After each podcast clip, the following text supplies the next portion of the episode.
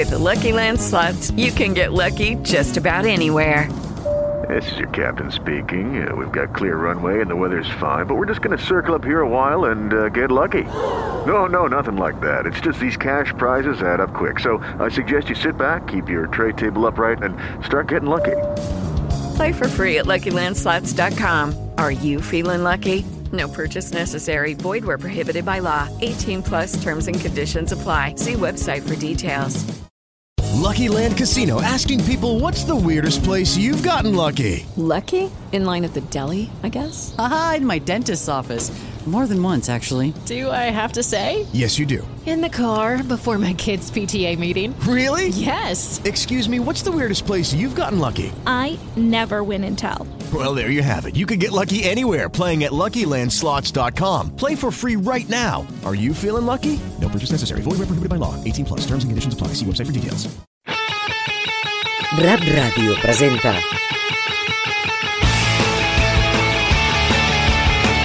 A banda i banda. El magazín diari de Ràdio Amèrica Barcelona. I fall to my knees and look to the sky. Who will save rock and roll? Murray the is not here today.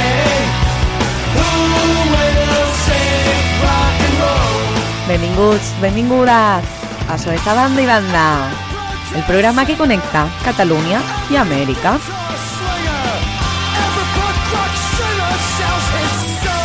Des dels estudis de Ràdio Amèrica Barcelona, per i per a tots els catalans del món.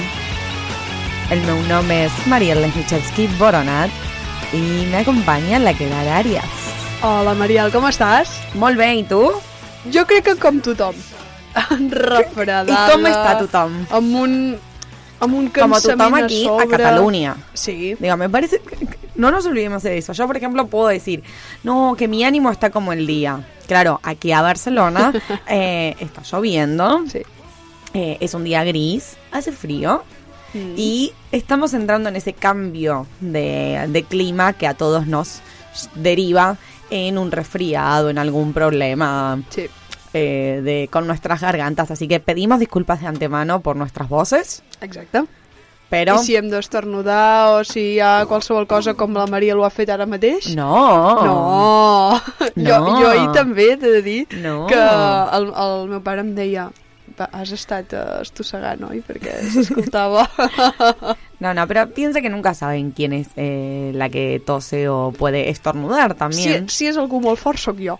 Igual a mí me interesaría que me cuenten las personas que nos están escuchando desde dónde nos, nos de dónde, desde dónde nos escuchan y Si cómo estaban está igual que el día en su IOC. Sí, Entonces, sí, sí. para ello nos pueden escribir a nuestras xarxes sociales. Sí, a través d'Instagram Ràdio Amèrica Barcelona i a través de Twitter Rap Oficial us estarem llegint, Mariel.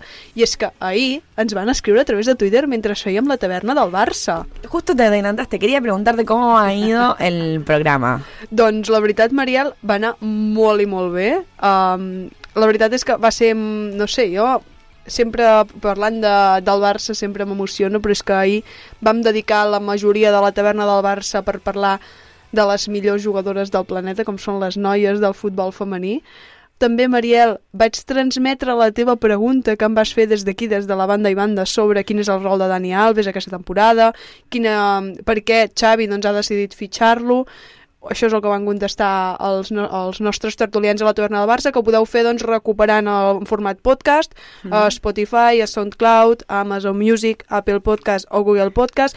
També podreu recuperar allà tots els programes de la banda i banda. I si no, poseu rap.cat barra podcast, a Google, podreu trobar tots els programes de tot Ràdio Amèrica Barcelona. Muy bien, buenísimo, la verdad. ¿Y cómo te has sentido tú en la taberna? ¿Contenta? Molt. Molt, Sí? molt, molt, molt, molt. Jo estic encantada de, de, de liderar la taverna del Barça en aquest cas i, i amb totes les persones que m'acompanyen setmana rere setmana jo estic encantadíssima. Muy bien, me gusta, me gusta, me gusta muchísimo. Les recomiendo a todas las personas que vayan a rap.cat barra podcast y busquen la taberna del Barça de ahí y las anteriores ediciones que la verdad es que valen la pena A més a més, Mariel, dedicar no sé, tiempo. la setmana passada un dels nostres convidats especials era el Flavio Carballo, de, que és brasiler i resident ara mateix aquí a Catalunya, i va parlar que el seu jugador preferit era Dani Alves. I justament, aquestes, eh, justament a la setmana es va fer eh, oficial el fitxatge de Dani Alves per al Barça. Per tant, jo crec que és una mica de mag o algo així perquè li va donar un, una vareta màgica, crec jo, però bueno. Muy bien, i aquest uh, dimarts... Mm, 16. 16, perdón, perdón, de noviembre, eh, tenemos un a banda y banda con mucha información. Sí, Mariel, com sempre repassarem l'actualitat tant a Catalunya com a Amèrica Llatina com a Europa. També parlarem de, del tema de la, de la COP26 perquè ha passat ja unes, uns quan, unes, bueno, ha passat uns dies. Recordem que es va fer el tancament el dissabte, per tant parlarem a veure què, què, ens, han, què ens ha deixat doncs, la, la, COP, la, COP, la COP26. Uh, com cada dimarts parlarem de l'espai de gènere i diversitat amb la, amb la Cora Ruiz. Per tant, Mariel, tenim un dimarts molt, molt ple d'informació. Sí, y además hoy tenemos un debut que puede, que me parece que va a dar que hablar, porque justamente vamos a inaugurar un spy cultural con música, poesía y con una persona muy especial. Así que vamos a descubrirlo en la banda y banda del día de hoy. ¿Qué te parece, Keral? Perfecte. Comencem? Comencem.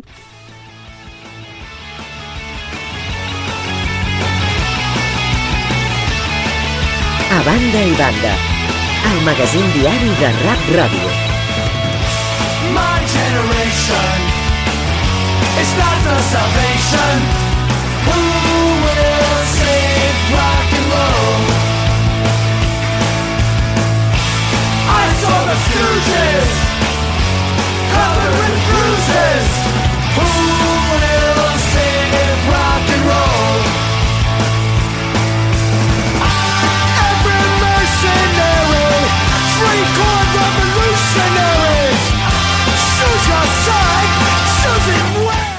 sí, sí, sí, es momento de comenzar con la actualidad y esta ronda de noticias que recorre el mundo a través de los catalanes del exterior que viven en distintas partes de el mundo. Algunos viven en Latinoamérica, otros en Europa. Y la verdad es que nosotros estamos listos para, como siempre, tener toda la información. El día de hoy vamos a estar hablando con dos mujeres, justamente. Una de ellas, Ana Miret, y otra, Miriam Aymami. Así que vamos a justamente comenzar. Y comenzamos por Europa. Rápidamente Sí. viajamos hasta eh, Alemania, donde Ana Miret tiene información sobre las novedades que nos da la pandemia, que nos sigue dando la pandemia. Ana, ¿qué tal? Buena tarde. Bona tarda, Mariel, com anem? Eh, molt bé, por suerte. Eh, ¿Cómo está el día Alemania? ¿Está gris y con lluvia igual que aquí? Pues sí. Te diría que es el estado normal de la época. Claro, sí, sí, sí, Alemania totalmente. Eh, nosotros les enviamos, les quisiéramos enviar un poco de sol, pero la verdad es que preferimos secuestrarlo y, y, que, y tenerlo en Barcelona todos los días. Que. Pero bueno, imagino que segu- por ahí para las fiestas, para las navidades estarás por ahí viniendo para aquí, así que podemos esperarte con un lindo sol. Espero que sí. espero que sí. Bueno, ¿cómo viene la, la pandemia a Alemania? Digo, me gustaría hablar de Alemania, pero sobre todo de el, digo, la zona en la que vives tú, para conocer un poco más eh, el día a día, cómo está afectando esta nueva eh, ola de contagios, como se la denomina, en, el sitio donde vives. Bueno, um, per, per començar, um, t'he de dir que, que ha una explosió de casos, així ho han definit. Um, es parla també de, de l'índex de vacunació no molt elevat, en comparació amb altres països com per exemple Catalunya, no? que porteu més del 85%, crec, si no, si no he escoltat malament, Sí, i aquí no sí, arribem sí. ni al 70% amb segona dosi. Claro, muy bajo. I, exacte, i llavors eh, l'altre dia, per, que us, us fica, per ficar-vos un exemple, va sortir a, a la conferència nacional sobre Covid, um, hi havia el director del RKI i el, i el ministre encara en, en funcions, diguem així, no? que encara no s'ha posat el nou govern, parlant de, del Covid i dels casos i el, i el president de l'RKI va dir he tingut que buscar un, un color diferent que encara no havíem utilitzat mai perquè l'explosió de casos no, l'he de definir d'algun color i no el tinc. He agafat el color lila fort perquè es vegi. O sigui, si, si es veu el, el, el mapa d'Alemanya està com una mica com a partit per la meitat i el color aquest nou lila, que Mhm. significa més de 600 casos per, per 100.000, um, um, toca tota la part que és el, els nous Bundesländer i la part de Bayern, i jo vi que a l'altre cantó i allí estem amb una mitja d'uns 200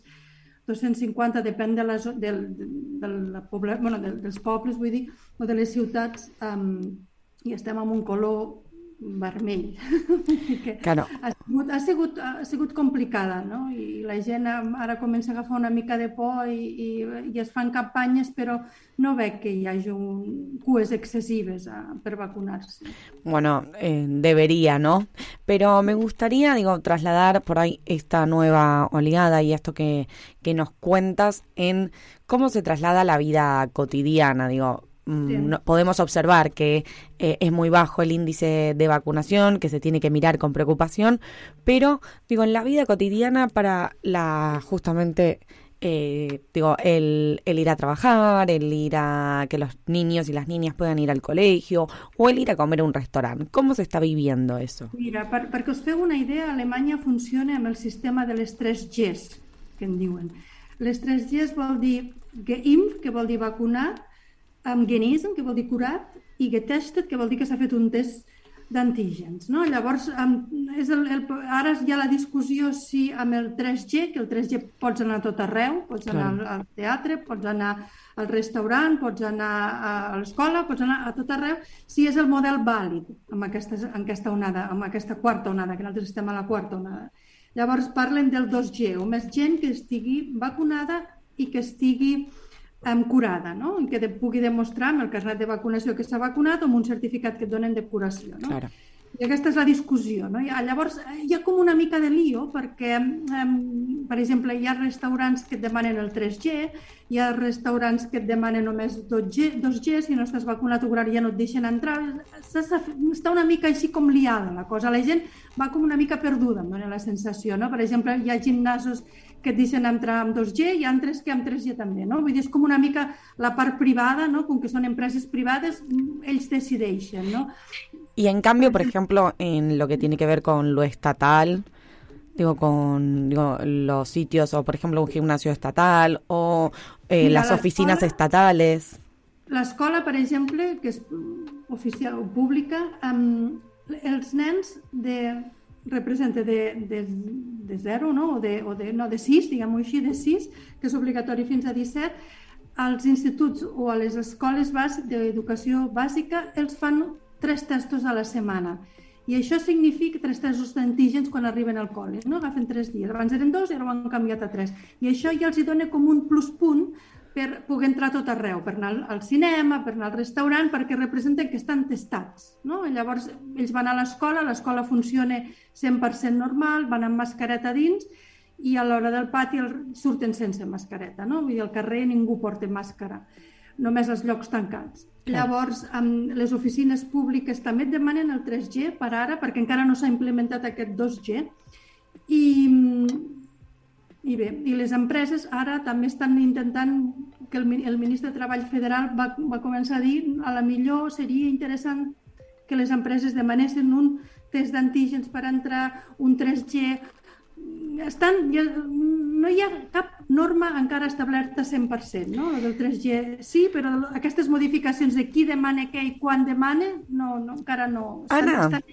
¿Tiene algún vínculo, digo, esta por ahí falta de eh, organización o digo que no se termine de entender cuál es la norma, eh, digo que, que se está utilizando con la el no acuerdo de gobierno o cam- son caminos absolutamente separados? No, jo... Bé, una mica de... de...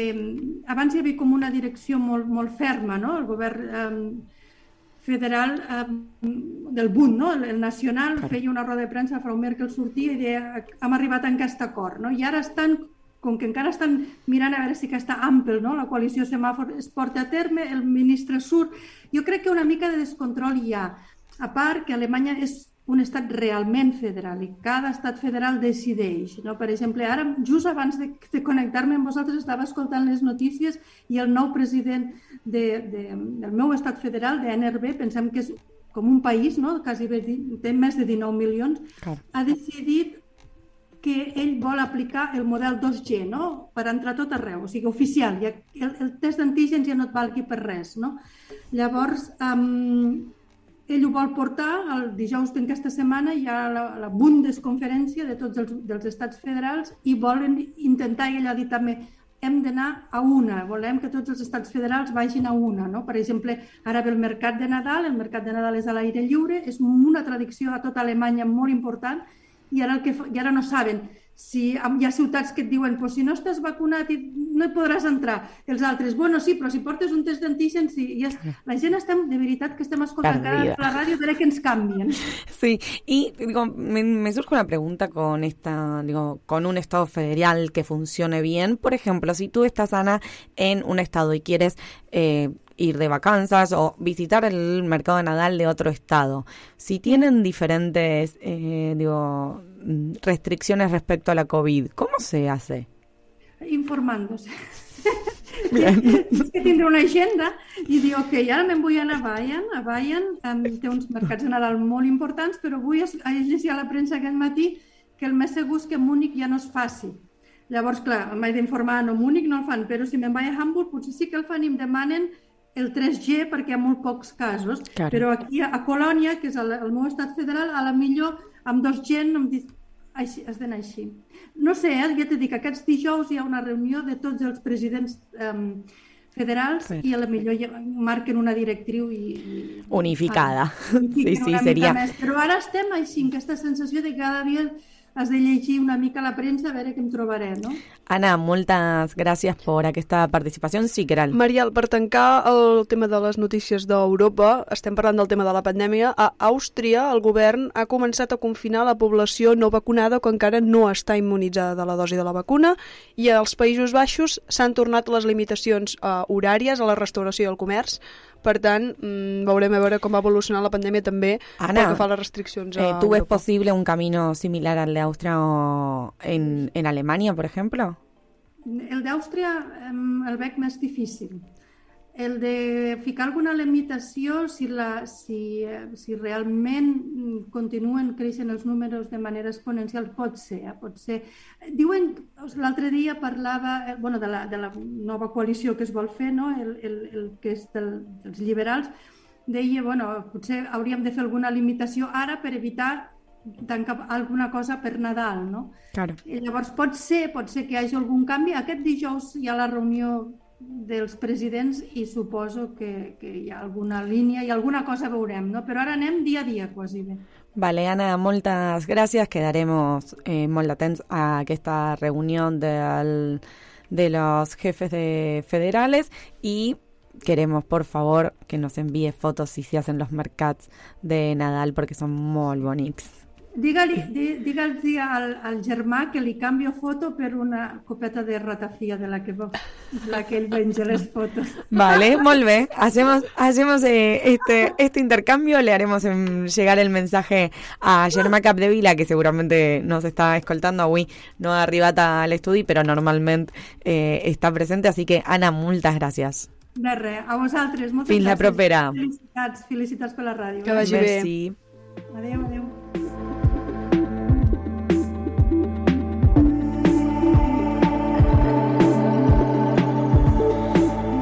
Y desde Alemania vamos hasta México, junto a Miriam Aymami. Bon dia, bona Hola. tarda. Bon dia, bona tarda a tothom. ¿Cómo estás. Miriam? Bien, bien. ¿Y ustedes? Bien, te extrañamos. Sí. Aquí al estudio. Yo sé. Pero mañana, mañana las veo. Ah, molt bé, m'agrada, Mañana las veo. O sigui, t'agafaràs un Oye. vol ara mateix des de Mèxic cap a Barcelona només per veure'ns, no? Bien, mira que sí somos importantes, ¿eh? Sí. Oye, hablando de COVID, fíjate que aquí, bueno, en Barcelona, eh, ya suspendieron la cena que había previa a la entrega de los premios Batiste Roca. Ah, mira, mira, es importante tener esta información. Se están empezando a ver medidas restrictivas en toda Euro- Europa y yo creo justamente, ¿no? Que Latinoamérica está empezando a mirar eh, estas situaciones y nuevamente me recuerda a principios del 2019, ¿no? Sí, sí, sí, así es. Sí, en México, bueno, en México todavía no estamos, este, no, no ha llegado esta ola nueva, ¿no? Pero siempre vamos con atraso, pero bueno, pues aquí en, en Europa pues ya está esto caminando otra vez, ¿no? Desgraciadamente. Bueno, igual momento de la actualidad, Miriam, ¿qué novedades e información tenemos el día de hoy? Pues mira, el miércoles pasado, ante el Consejo de Seguridad de la ONU en Nueva York, el presidente Andrés Manuel López Obrador alertó e hizo hincapié en la prevalencia de la corrupción en el mundo y dijo que este fenómeno causa desigualdad, pobreza, violencia y inmigración. Y con el propósito de contribuir en la solución de estos conflictos eh, de tipo social, anunció que en los próximos días México presentará formalmente ante la Asamblea General de las Naciones Unidas una propuesta para implementar un plan mundial de fraternidad y bienestar con el fin de garantizar el derecho a una vida digna a 750 millones de personas pues que viven en condiciones de pobreza en todo el mundo.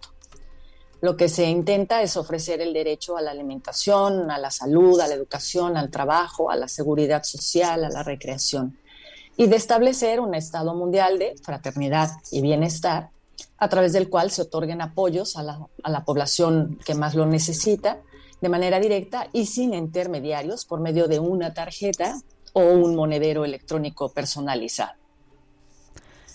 Eh, Miriam, a ver, tengo, tengo varias preguntas. Porque esto que eh, justamente estaba escuchando, eh, primero, me suena algo que ya lo he escuchado y que ya se debería estar implementando y muchas palabras me recuerdan sobre todo a la Revolución Francesa.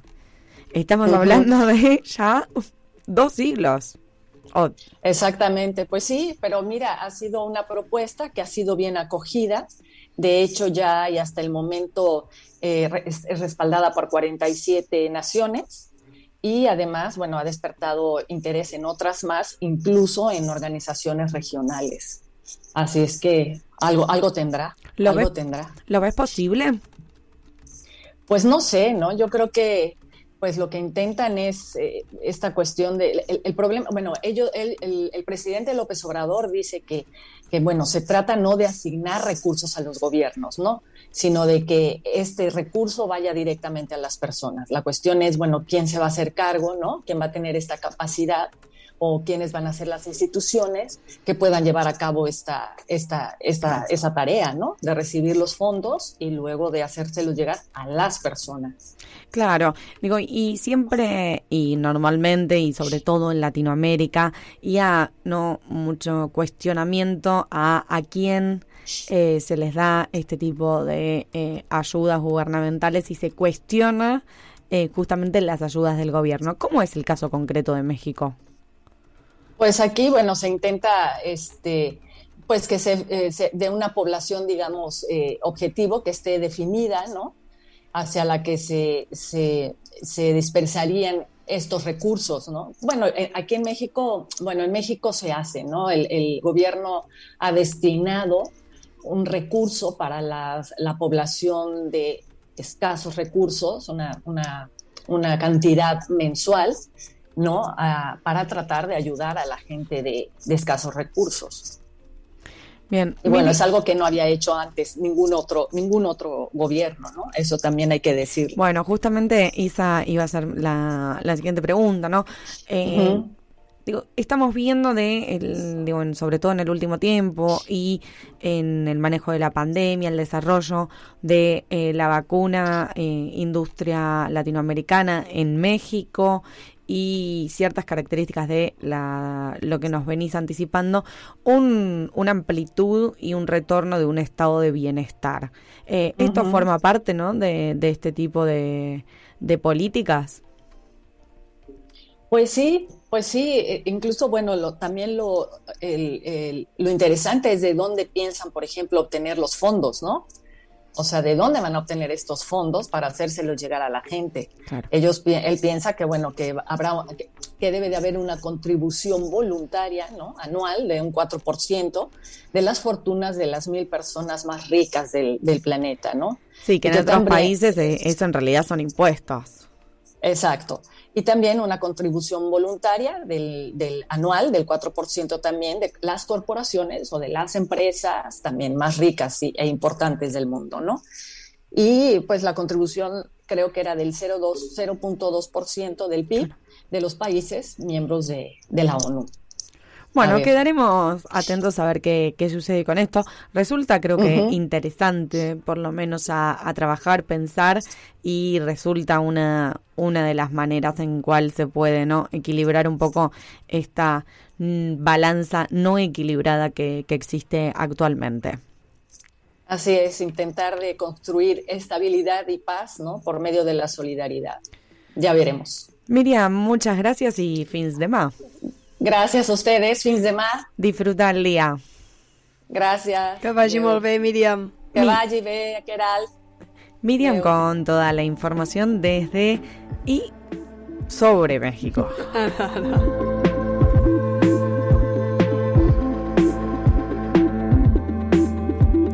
Momento de detenernos en la actualidad catalana. ¿Qué información destacada tenemos el día de hoy, Keral? Doncs bé, pel que fa a política, Mariel, la CUP vota presentar esmena a la totalitat als pressupostos, però seguiran negociant. El president Aragonès i el conseller Giró es reune, reu, bueno, reuniran aquest dimarts a la tarda amb, les, amb els negociadors de la CUP al Palau de la Generalitat per mirar una mica de revertir la seva posició pel que fa als comptes.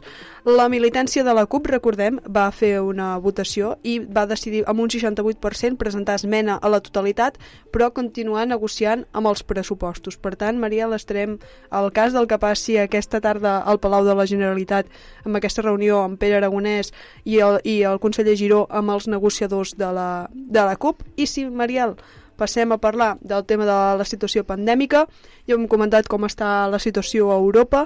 Catalunya segueix sent una de, una de les poblacions on hi ha més població vacunada, per tant, hem d'estar contents en aquest sentit. Mariel, què passa? Que les xifres no ho acompanyen, um, puja el risc de rebrot i puja l'RT, pugen els ingressats també i a les UCIs també, per tant una situació una mica crítica i educació també ha, ha declarat 64 gru grups, grups escolars confirmats. Tot i així és un menys que, que en l'últim balanç. I ara mateix hi ha de, un més de 10.000 persones en quarantena. Per tant, la situació a les escoles no està, no està gaire bé perquè uh, sabem doncs, que la població vacunada no forma part els, els més joves dels que han rebut aquesta dosi. I és que si parlem de dosis tenim la vacuna catalana contra la Covid-19 ha fet un pas més en el seu estudi. L'Agència Espanyola de Medicaments i Productes Sanitaris ha autoritzat eh, el dilluns l'assaig clínic en fase 2 contra la vacuna contra la Covid-19 de l'empresa IPRA amb la seu a Mer a Girona. Aquesta fase es durà a terme en 10 hospitals de tot l'estat i amb més de 1.100 voluntaris que tinguin, això sí, la doble pauta de la vacuna de Bion BioNTech o Pfizer. A més, l'empresa compta amb l'ajuda pública de 15 milions d'euros del govern espanyol, una partida que va ser aprovada fa dues setmanes pel Consell de Ministres. Per tant, estem a l'espera d'aquesta segona fase perquè la primera fase dels assajos clínics de la vacuna de l'empresa IPRA va començar a principis d'agost. Per tant, Uh, i l'Agència Espanyola de Medicaments doncs, li ha donat el, el vistiplau per poder doncs, seguir en la segona fase, que serà aquesta experimentació amb aquests 1.100 voluntaris. Muy bien, muchísimas gracias. Me parece que debemos profundizar este tema de la vacuna porque es muy, muy interesante. Recuerdo que eh, en la temporada anterior ent- estuvimos entrevistando a Mark Ramentol, Ujú. uno de los encargados del desarrollo de esta vacuna, así que sería muy interesante mm, retomar esta comunicación para ver qué avances se ha dado y qué proyecciones eh, IA. Dos cuartos de cuatro a Cataluña. Escoltant RAC, la teva ràdio. La ràdio dels catalans d'Amèrica. Escolta'ns on vulguis. RAC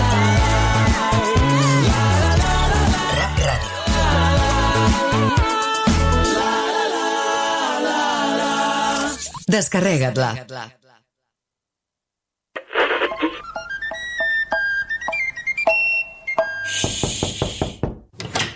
Què tal, amics?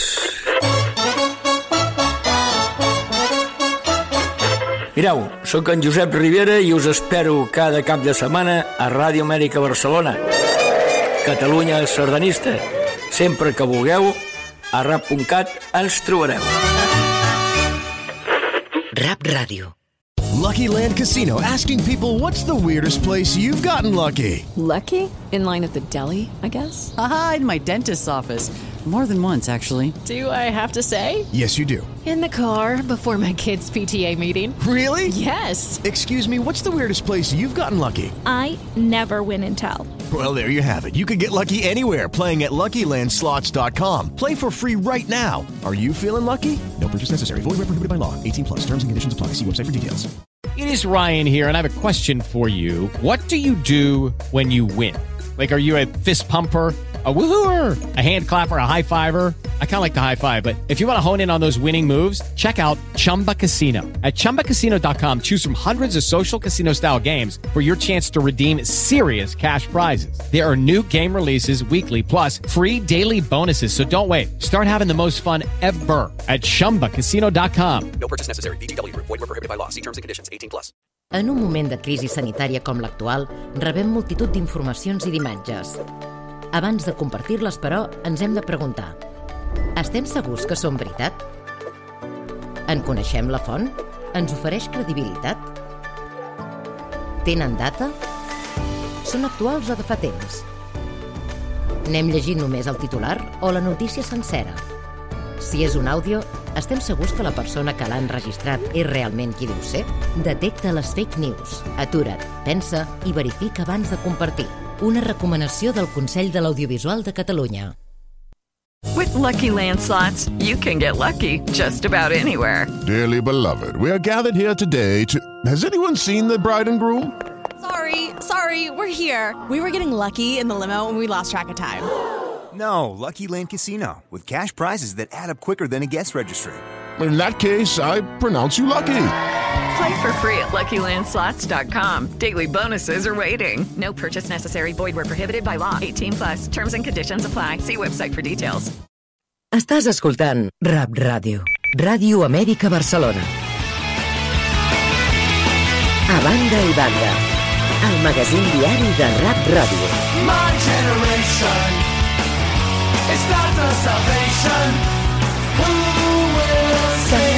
Rock and roll? No tenim la veu per cantar, però nosaltres cantem, eh, María? Siempre, siempre. Nunca no hacer karaoke. Digo, me parece que es un lema de este programa y la verdad es que me, me gustaría poder concretarlo antes de fin de año.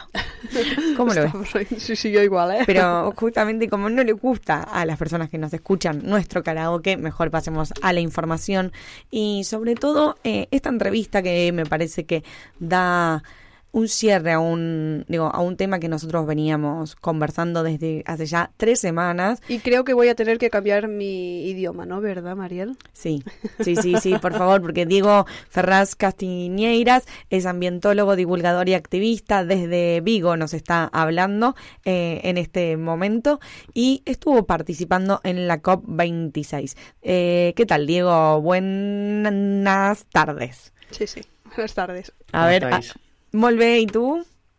Bien, bien, aquí estamos. Eh, ¿qué tal? Yo creo que es una vez eh, cuando estuve en Barcelona eh, parecía que entendí, entendí el catalán, o sea, si quieres hablar en catalán no hay problema. Vamos a hacer un intento. Oh, sí, sí, Igual sí. Le, vamos, le tenemos que pedir que hable despacio. Digo, porque incluso a mí también a veces me, me cuesta entenderla, así que despacio y modulando bien. Vale. Y hacemos este intento.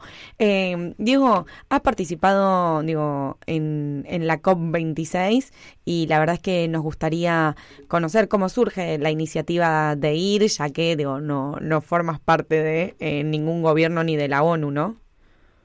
No, no, no, por, por ahora, por ahora no formo parte de ningún gobierno. Pues la iniciativa eh, empieza gracias a un proyecto que se llama Spark, un proyecto que mm, en Europa está, bueno, tiene bastantes socios y socias, y en España eh, está liderado por Oxfam Intermom. Y con este proyecto pues nos reúne a varias, a varios activistas, en total seis, más dos personas de la coordinación del proyecto y de todo el Estado español, y nos vamos hasta, hasta Glasgow. Y allí pues nos encontramos con más gente, más eh, ot- en total éramos entre 60 y 80 activistas de este proyecto Spark. Em, Diego, perdón, tengo una pregunta anterior. ¿Cuántos años tienes? 26. 26, claro, me años, parecía, sí. me, me parecía importante destacar. Y digo, ¿cuál es el objetivo de, de este proyecto y qué tal te ha resultado la, la experiencia de participar?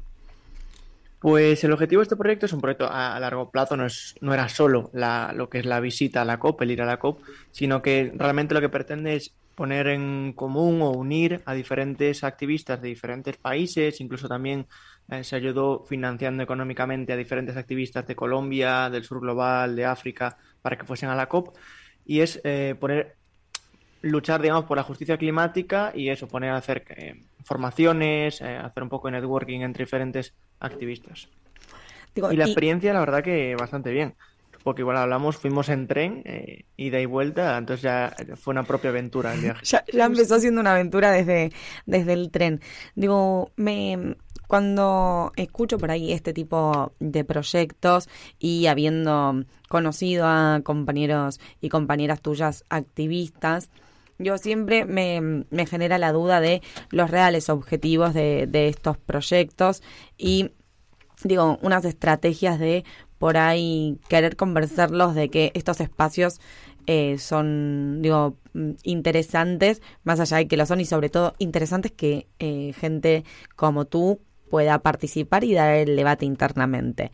¿Crees que se, cuál fue el objetivo digo, de, de la participación y si, si se los escuchó, si se les dio el espacio?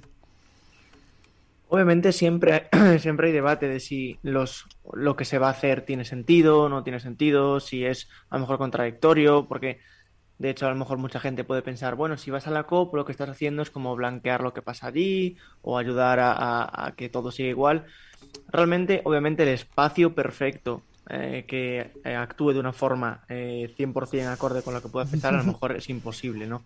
Pero obviamente estos espacios de gente que tiene la intención, que quiere hacer las cosas bien y que realmente le pone muchas ganas, esfuerzo de todo tipo, yo creo que son muy buenos espacios para, para estar, para integrarse, para conocer a gente y, y para, bueno, para disfrutar de, de también de mientras estás haciendo, no solo intentar hacer el, el cambio que queremos o que necesitamos, sino también pues eh, conocer a gente, pasarlo bien. Pas- Pasarlo bien no quiere decir ir de fiesta, quiere decir hacer cosas que te gustan con gente que eh, a priori eh, tiene in- intereses y valores parecidos a ti, pues por lo tanto lo vas a pasar bien.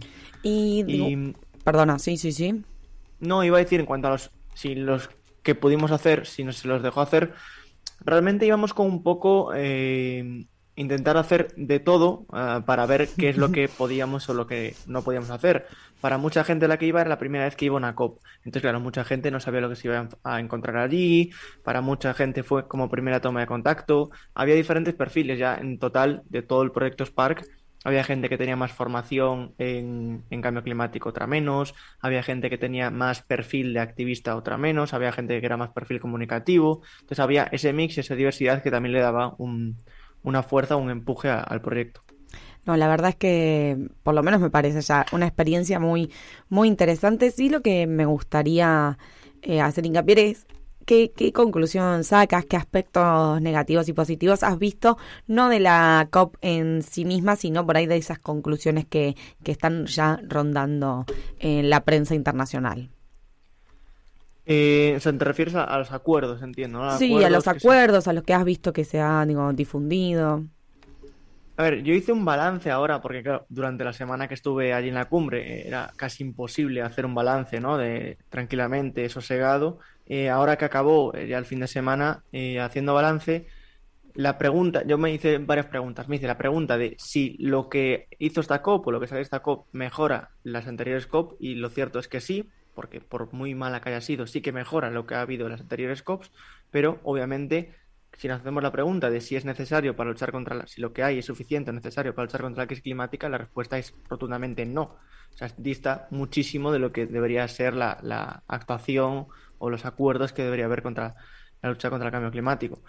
De hecho, hay como varias, salieron varios acuerdos. Salió uno, por ejemplo, de deforestación cero para 2030, que este acuerdo eh, ya estaba en 2014. Ya se hizo una declaración de Nueva York sobre los bosques en 2014 y lo único que no se había cumplido. Entonces dijeron, bueno, lo vamos a cumplir.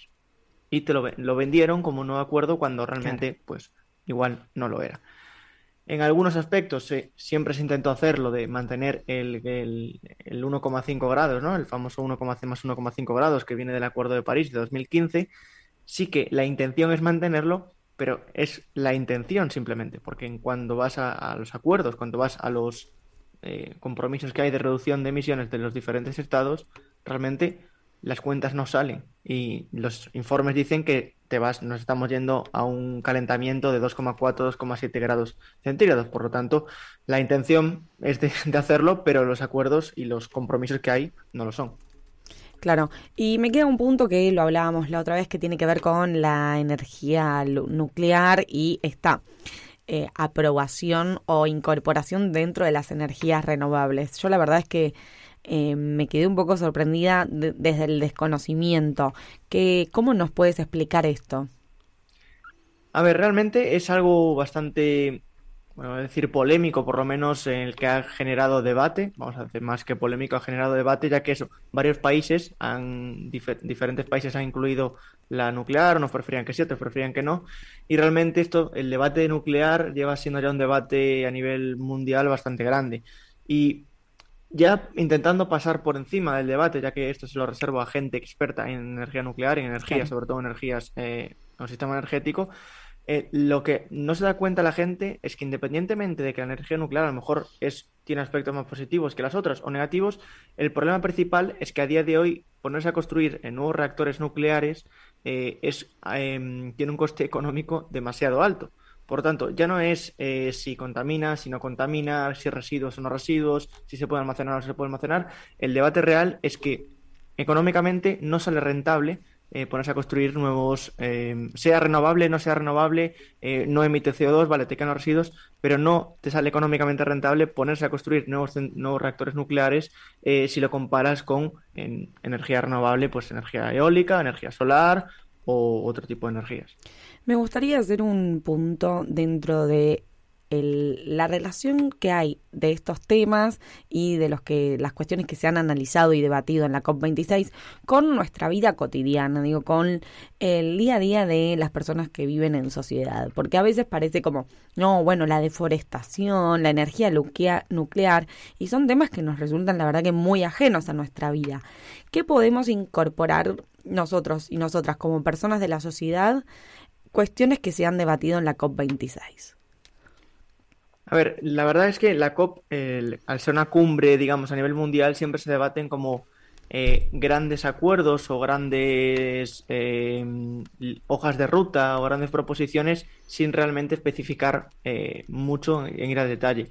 Entonces, esas cosas siempre se las reservan los propios estados para que cada estado pues se adapte a sus diferentes eh, cualidades o características. Hay estados que tienen, hay eh, zonas del mundo que tienen eh, mejor capacidad de adaptación a una cosa o a otra.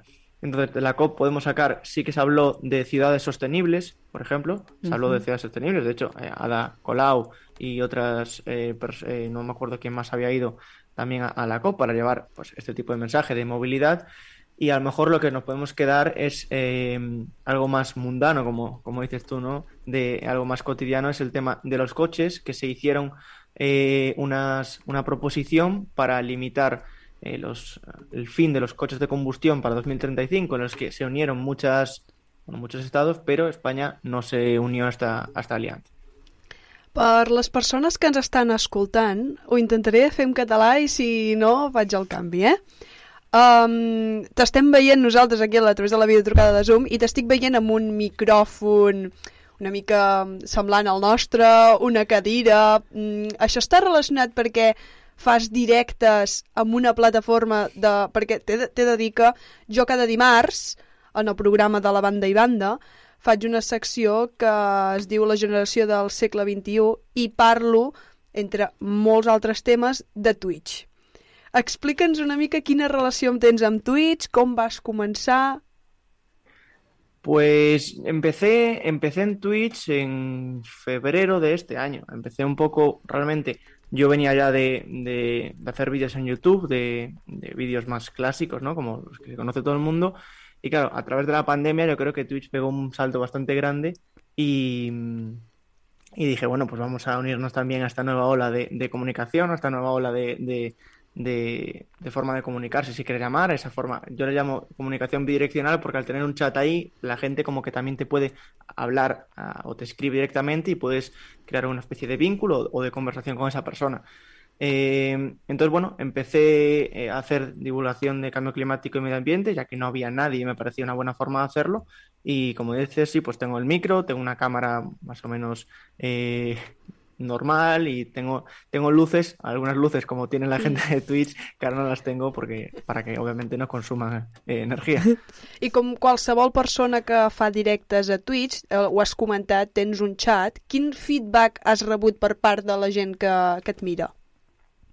Eh, yo creo que bien, o sea, la gente realmente, eh, lo que estoy notando y lo que, o sea, por números y lo que estoy viendo es que la gente cada vez participa más y sobre todo que a través de la constancia y de hacer un contenido de un mínimo de calidad, vas creciendo y vas eh, aumentando en gente que te va viendo, en gente que te- se va sumando a tus directos, gente que participa en el chat, a lo mejor al principio no participaba nadie y ahora participan. Y de hecho, yo lo que intento hacer es una especie de comunicación del cambio climático más cercana, como decía Mariel, de, de cosas mundanas, de cotidianas, no hablar de 1,5 grados o 2, que a lo mejor no le importan a mucha gente, pero sí de cosas que se pueden trasladar al día a día. ¿Podemos poner un ejemplo?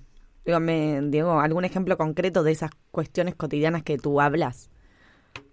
A ver, intento eh, siempre eh, coger noticias, por ejemplo, lo que hago muchas veces es traer noticias, traer las noticias que yo considero que pueden tener eh, más impacto en, obviamente no traigo artículos científicos, entonces, por ejemplo, últimamente estamos hablando de la crisis energética, cuando fue la crisis energética la factura de la luz, entonces algo que se había trasladado directamente, la factura de la luz, pues trajimos a gente para del sistema energético, de que a qué se estaba debiendo esto. El- eh, por un lado estaba lo del mercado de CO2, lo- el aumento del precio de las emisiones de CO2.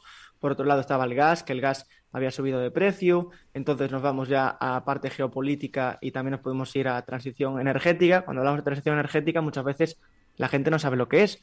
Entonces nos ponemos a hablar de minerales críticos, la gente no sabe lo que es, pero entonces a lo mejor decimos que en el móvil hay muchísimos minerales, que estos minerales vienen de, de África y de Latinoamérica principalmente y de otros, de otros sitios.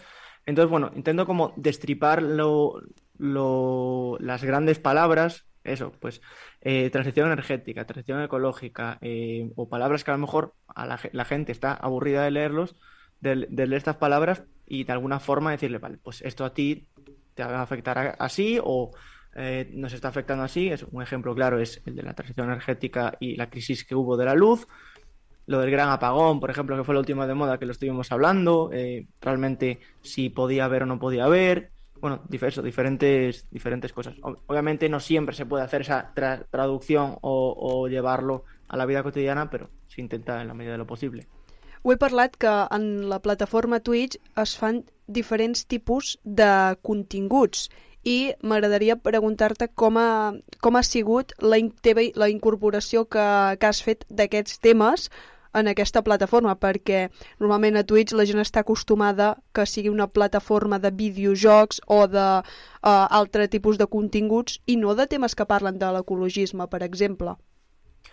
Sí, o sea, sí que al principio y durante la pandemia, al principio sobre todo, era estaba llena de, de, de streamers de videojuegos, de gente jugando a videojuegos, pero yo creo que poco a poco y la forma en la que yo lo incorporé es, bueno, de una forma, eh, eso como decía, intentar hablar de una forma cercana, hablar de, de cosas eh, que a lo mejor la gente le interesaba y pues eh, cogiendo un poco la estética de la gente que hace esto, copiando el formato, digamos, pues también yo al final intento hacer diferentes eh, escenas, que es como hacer una pequeña realización para ir dándole dinamismo al, al stream, que no sea algo estático en el que yo estoy hablando delante de la cámara, sino que vamos viendo páginas web, vamos viendo vídeos. em, yo mismo me voy moviendo en la pantalla de las diferentes escenas para que le dé ese toque de realismo, como si fuese, entre comillas, un mini telediario o, un vídeo más o menos elaborado. Y bueno, la cosa es que también ahora, dentro de poco, empezaré a jugar algún videojuego, pero eh, videojuegos también que tienen relación con el medio ambiente y el ecologismo. No, la, sí, justamente tengo una persona conocida que trabaja en el diseño de un videojuego que promueve el mundo, digo, ecologista, sobre todo el mundo vegano. Y la verdad es que cuando me contó el proyecto me resultó muy, muy interesante porque para mí si me dices gaming videojuego es... Tipo, muchos tiros y pensar que desde ese lugar, digo, así como hablamos de las telenovelas, de los videos, de las películas que tienen que ser quienes concientizan en- a través de sus guiones, los videojuegos también. Así que, eh, digo, ¿nos puedes recomendar alguno? Pues mira, el juego que yo voy a jugar se va- llama Echo, se llama así Echo, em, Echo, yo creo que se puso Echo Game. Es un juego muy parecido al Minecraft, eh, si, si sabemos porque es un juego muy conocido el Minecraft, que es de un mundo en el que tú tienes que eh, construir o craftear diferentes objetos, diferentes recursos. Sea, tienes los recursos, la materia prima del recurso y tú vas construyendo cosas. Entonces, este juego tiene la misma dinámica de crear cosas de- a partir de materias primas y el objetivo es eh, evitar el impacto de un meteorito en X días, en plan, o tres meses, cuatro meses, ¿no? Entonces, para ello tienes que desarrollar o desarrollar tecnología para destruirlo o inventarte tú la, alguna forma de evitar que ese impacto, a lo mejor pues creando una cúpula grande, la verdad todavía no lo sé.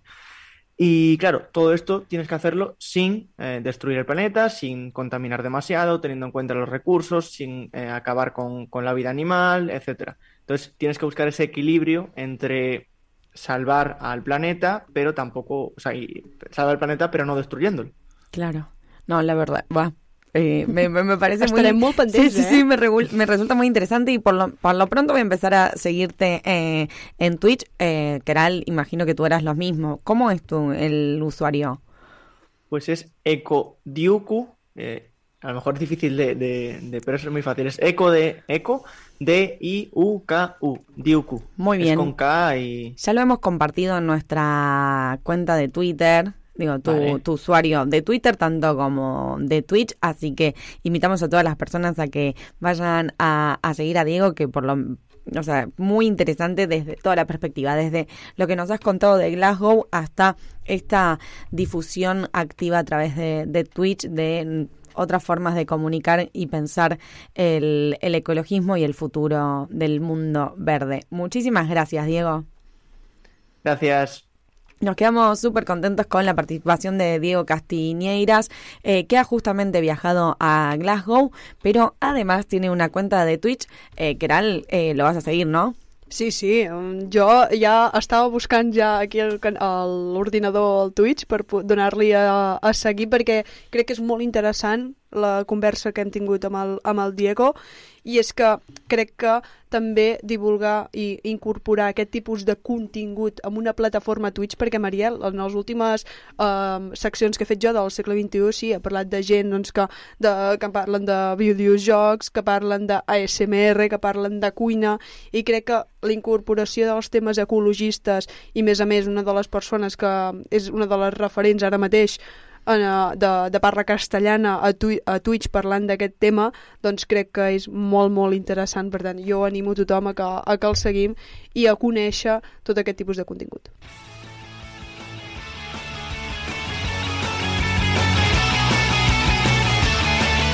A banda i banda, el magazín diari de Rap Ràdio. My generation is not the salvation. Who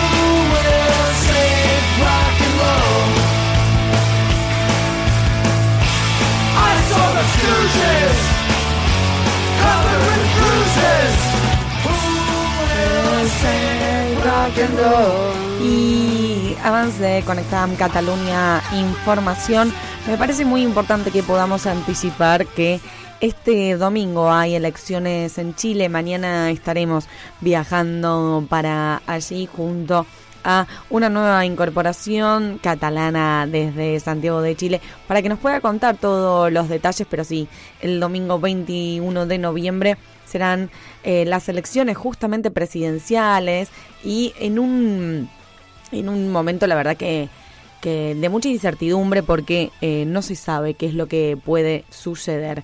Eh, hay, hay mucha duda, eh, hay candidatos de eh, que apuntan más para una extrema derecha y se habla de un posible aumento de votos para este sector.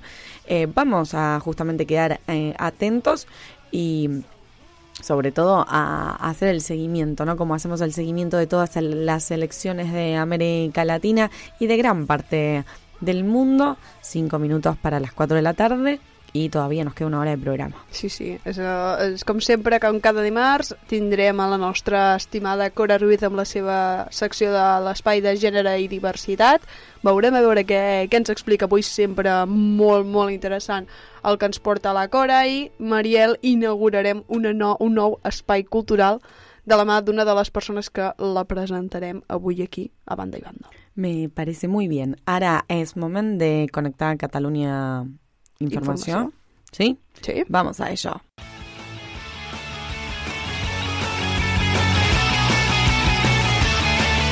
A banda i banda, el magazín diari de Rap Ràdio.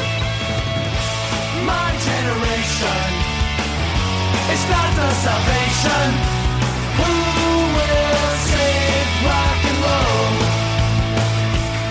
Continuamos a, a banda i banda i com cada dimarts a la mateix eh, hora tenim la Nostra alegria, l'alegria de presentar l'espai de gènere i diversitat amb Cora Ruiz.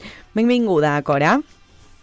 Hola, Mariel Caral. ¿Qué ¿Cómo tal? estás? Un martes mes, un dimarts mes juntas. Un martes mes. Habla, la Cora hace como yo, pero al revés.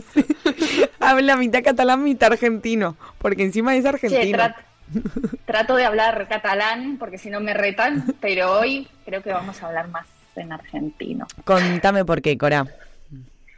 Porque justamente hoy nos avanzamos un poquito. El 20 de noviembre es el Día Internacional de la Memoria Trans. Y las personas trans, recordamos, son aquellas que el sexo biológico al nacer, es decir, sus genitales, no corresponden con su identidad, porque la identidad es autopercibida, subjetiva, y no hay que pasar ni por un quirófano, no necesariamente, ni siquiera un tribunal médico, nadie puede determinar cómo me siento y quién soy. Algo tan simple como eso. Y para eso, Mariel, hoy tenemos el súper privilegio de hablar con Luciana Viera, que la tenemos por acá. Hola, Lu. Eh, tiene, ahí está. Hola, ¿cómo andan? Hola Lu, bienvenida, muchas gracias. Buena tarde. Hablo un poquito de catalán. Molt bé. A, a- avui, eh, ambas personas invitadas que hemos tenido, tanto Diego desde Vigo como tú, Lu, nos han sorprendido porque son personas que no viven a Cataluña, que eh, por ahí han visitado, tenido alguna conexión, y ambos, no, bueno, pero espera, entiendo, puedo hablar un poco, así que eh, nos sentimos muy, muy contentos. Sí. Contentas. Contentas, sí. Ahora sí, Cora, continuamos, por favor. Bien, bien. Vamos a presentar a Luli, que nos acompaña desde Argentina, ella muy veraniega y nosotras muy tapadas. ella es licenciada en Relaciones Públicas y Ciencias de la Comunicación y es activista transfeminista. Y justamente por, en el marco del 20N, nosotras le queríamos preguntar, aprovechar por qué es tan importante eh, este día de la memoria trans. Lu. Bien, eh, bueno, gracias a todos. Antes que nada, también agradecer el espacio para poder hablar en- y empezar a escuchar voces, ¿no? Porque de esto trata un poco la diversidad y el Día de la Memoria. Empezar a escuchar voces diversas, e historias diversas con nuestras voces propias, ¿no? Ya no que otros cuenten nuestra historia, sino nosotros hablando de, la historia de nosotras mismas.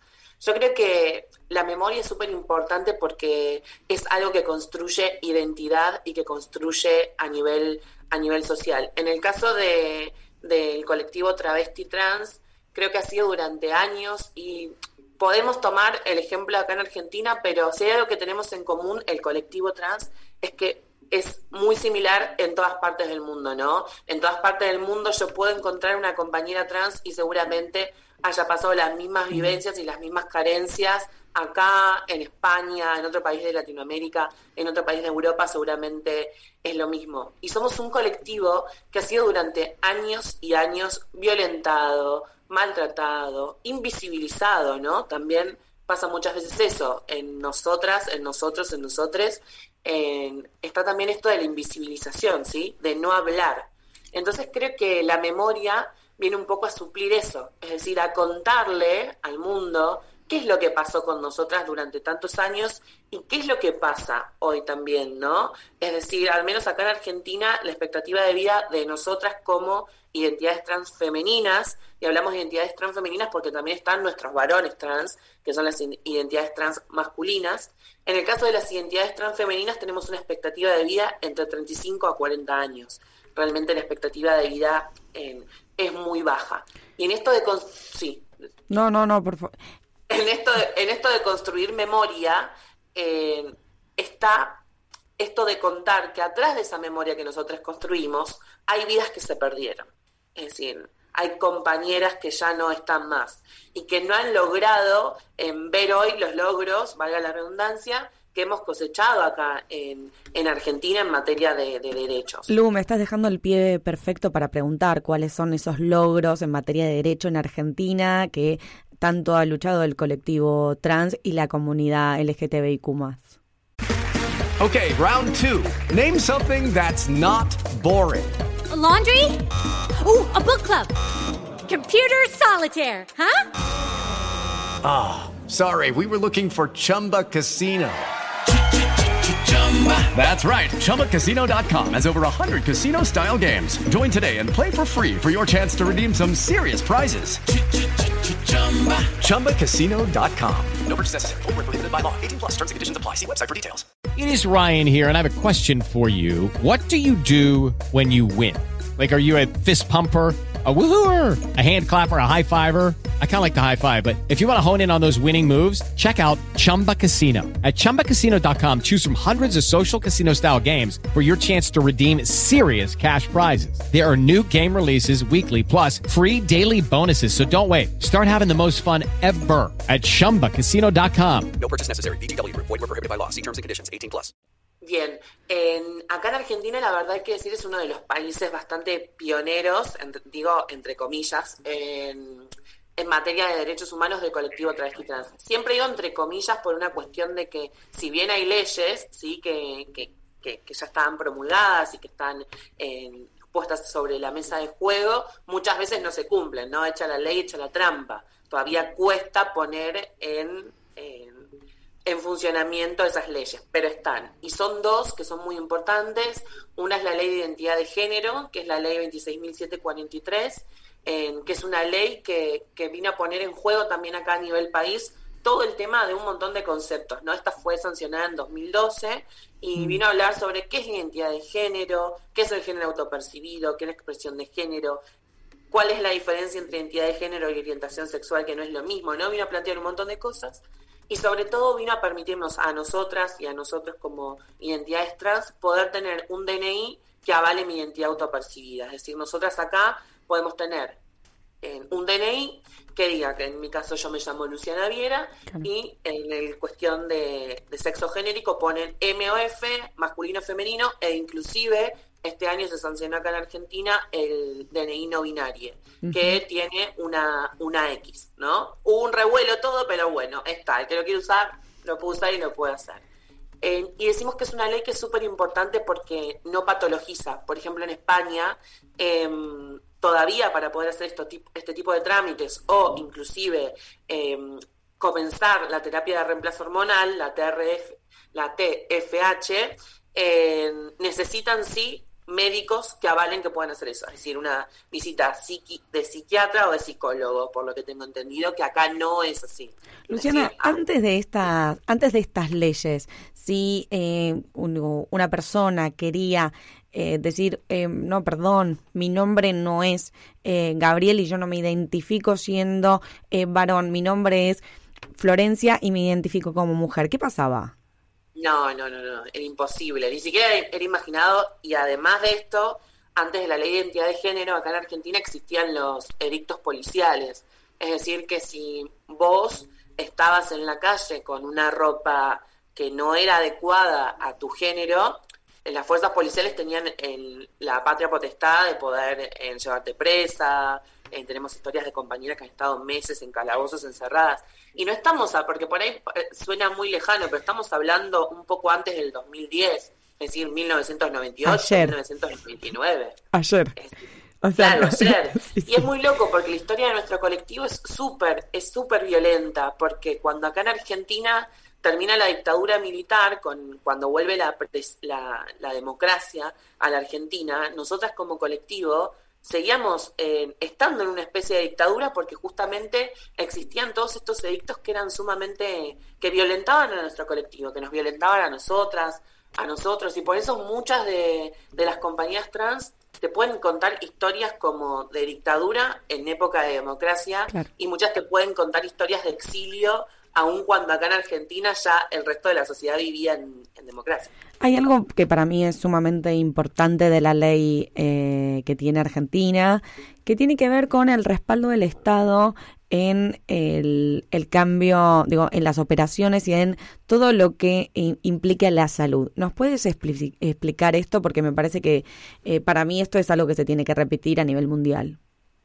Sí, acá lo que contempla la, la ley de identidad de género es que eh, como identidad trans vos puedas adecuar tu cuerpo, y esto siempre lo digo, ¿no? Eh, pasa a criterio de cada una, porque acá ya entra el concepto, si hablamos de identidades trans femeninas, también pasa el concepto de feminidad de cada una, que es ser mujer, o sea, ser mujer es un constructo, ¿no? Es decir, ya lo, problematizó Simón de Beauvoir, es decir, ¿qué es ser mujer? Y en base a ese qué es ser mujer que construye cada una, puede ir adecuando su cuerpo con determinadas cirugías. La ley en lo que te permite es realizar una terapia de reemplazo hormonal de manera gratuita, a sola enunciación, que yo vaya a un centro médico y sin la necesidad, esto también es importante, sin la necesidad de tener un DNI que, que lo avale, ¿sí?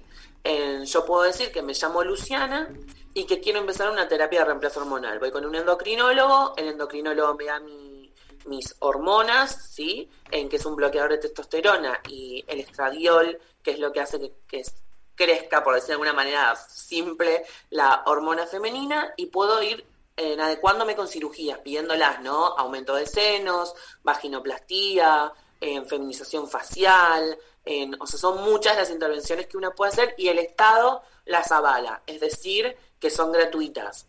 Ahora bien, siempre digo, en- son es un trámite que muchas veces tarda un, un poco de tiempo, porque obviamente muchas veces, por ejemplo, la- las prepagas, o no solo los hospitales, sino las prepagas que son privadas, no se quieren hacer cargo. Claro. Que son los problemas que estamos teniendo hoy por hoy, que es faltante de hormonas, em, el no cumplimiento de la ley, etcétera, pero el Estado debería hacerse cargo.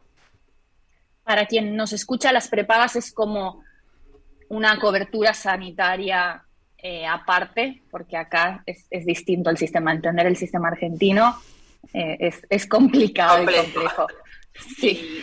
Y, no me quería olvidar tampoco de contar que otro de, los avances que tuvimos y que este es muy reciente y que se, dio este año en el mes de julio es la ley de cupo labo- laboral travesti trans, que es una ley que, que, obliga, entre comillas, a los organismos estatales y algunas empresas a contratar el 1% de su planta de personal en que sean personas travesti, trans y no binarias.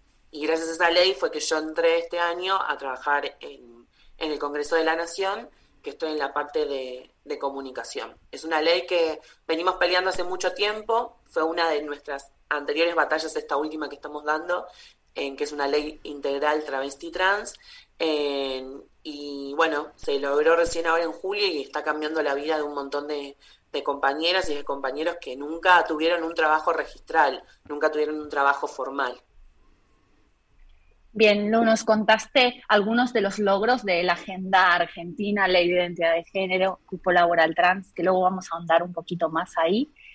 Y recordando, hablando, eh, del, escuchándote, en realidad me acordé, nosotras nos conocimos en el marco de- del proyecto CISA de Trabajando con Asuntos del Sur y trabajamos con mujeres trans y travestis en, en Paraguay. Y yo me acuerdo escuchándolas a ellas, muchas de ellas nos decían que eh, el hecho ¿no? de su identidad trans eh, te, la sitúa en, un- en una complejidad de condiciones de vida, de múltiples y simultáneas violencias por el, ocho- por, por el solo hecho de ocupar el espacio público de día, eh, nos aclaraban. Entonces nos decían, que muchas de ellas hacen activismo, a lo mejor no es lo primordial, el activismo trans en, en su identidad, pero es como una necesidad básica, ¿no? De acceso a, a, pues a- algo tan básico como libertad, integridad, salud, educación, trabajo. Entonces queremos saber cuáles son todos esos pendientes que nos hablaste y también cómo está América Latina, porque Argentina nos dijiste que es pionera. Sí, yo creo que por eso problematicé con una comilla, Argentina es pionera pero en materia de leyes, pero todavía falta un montón en cuanto a que el Estado haga cumplir esas leyes y también yo digo que estas leyes tienen que ir acompañados para que haya realmente un cambio de un cambio social, ¿no? Es decir, todavía acá falta en cuanto eh, a nivel social. La sociedad sigue siendo súper transodiante, súper transfóbica, sigue habiendo hechos de violencia bajo la figura de travesticidios o transfeminicidios, que son los asesinatos hacia nuestras identidades trans, y lo mismo ocurre en, en el resto de América Latina. Obviamente hay países que están mucho peor. Por ejemplo, yo la otra vez di una charla para Cuba y ahí es impensado en, en comenzar a hablar del colectivo travesti trans porque ya el colectivo LGBT está súper postergado. Dentro de ese colectivo, nuestro colectivo es el último en órdenes de prioridades. Y así en un montón de países donde ni siquiera hay una ley de identidad de género, donde ni siquiera se, se respetan las, las identidades autopercibidas. Yo creo que mm, el problema del colectivo travesti trans es un problema mundial, porque yo eh, vuelvo a repetir esto, yo creo que si yo me contacto con una compañera de México, con una compañera, no sé, de Portugal, una compañera en otra parte del mundo, más o menos, pues puede haber vivido en algún momento lo mismo que el, el mismo nivel de violencia, la misma incidencia de violencia que vivimos todas, porque creo que si bien hay leyes, todavía falta mucho en, en- un cambio cultural y que creo que es por lo que batallamos nosotras también, ¿no? Es decir, todo nuestro activismo, todo esto es de empezar a visibilizar lo que durante mucho tiempo se invisibilizó y empezar a poner en palabras nuestras historias, nuestras voces, nuestra memoria, es para que juntamente eh, nuestras infancias y nuestras adolescencias trans que existen eh, no tengan que padecer, sufrir y ser discriminadas como lo fuimos nosotras. Es decir, a mí me encantaría que el día de mañana en una niña trans o un niño trans o un adolescente o una adolescente trans en- se presente en un puesto de trabajo sin la necesidad de recurrir De una a un ley, laboral. totalmente, claro. ¿no? Es decir, que se puedan, se puedan en centrar solamente en la capacidad profesional, no que por una ley que impone un 1% entre una persona, sino porque simplemente se pueda sentar con cual- cualquier hijo o hija de vecino y estén en la misma en, en el mismo orden de prioridad, no por la identidad ni por ninguna ninguna condición o lo que fuere. Luciana, en- recién nos hablas ¿no? de la importancia de la memoria trans, de contar las historias.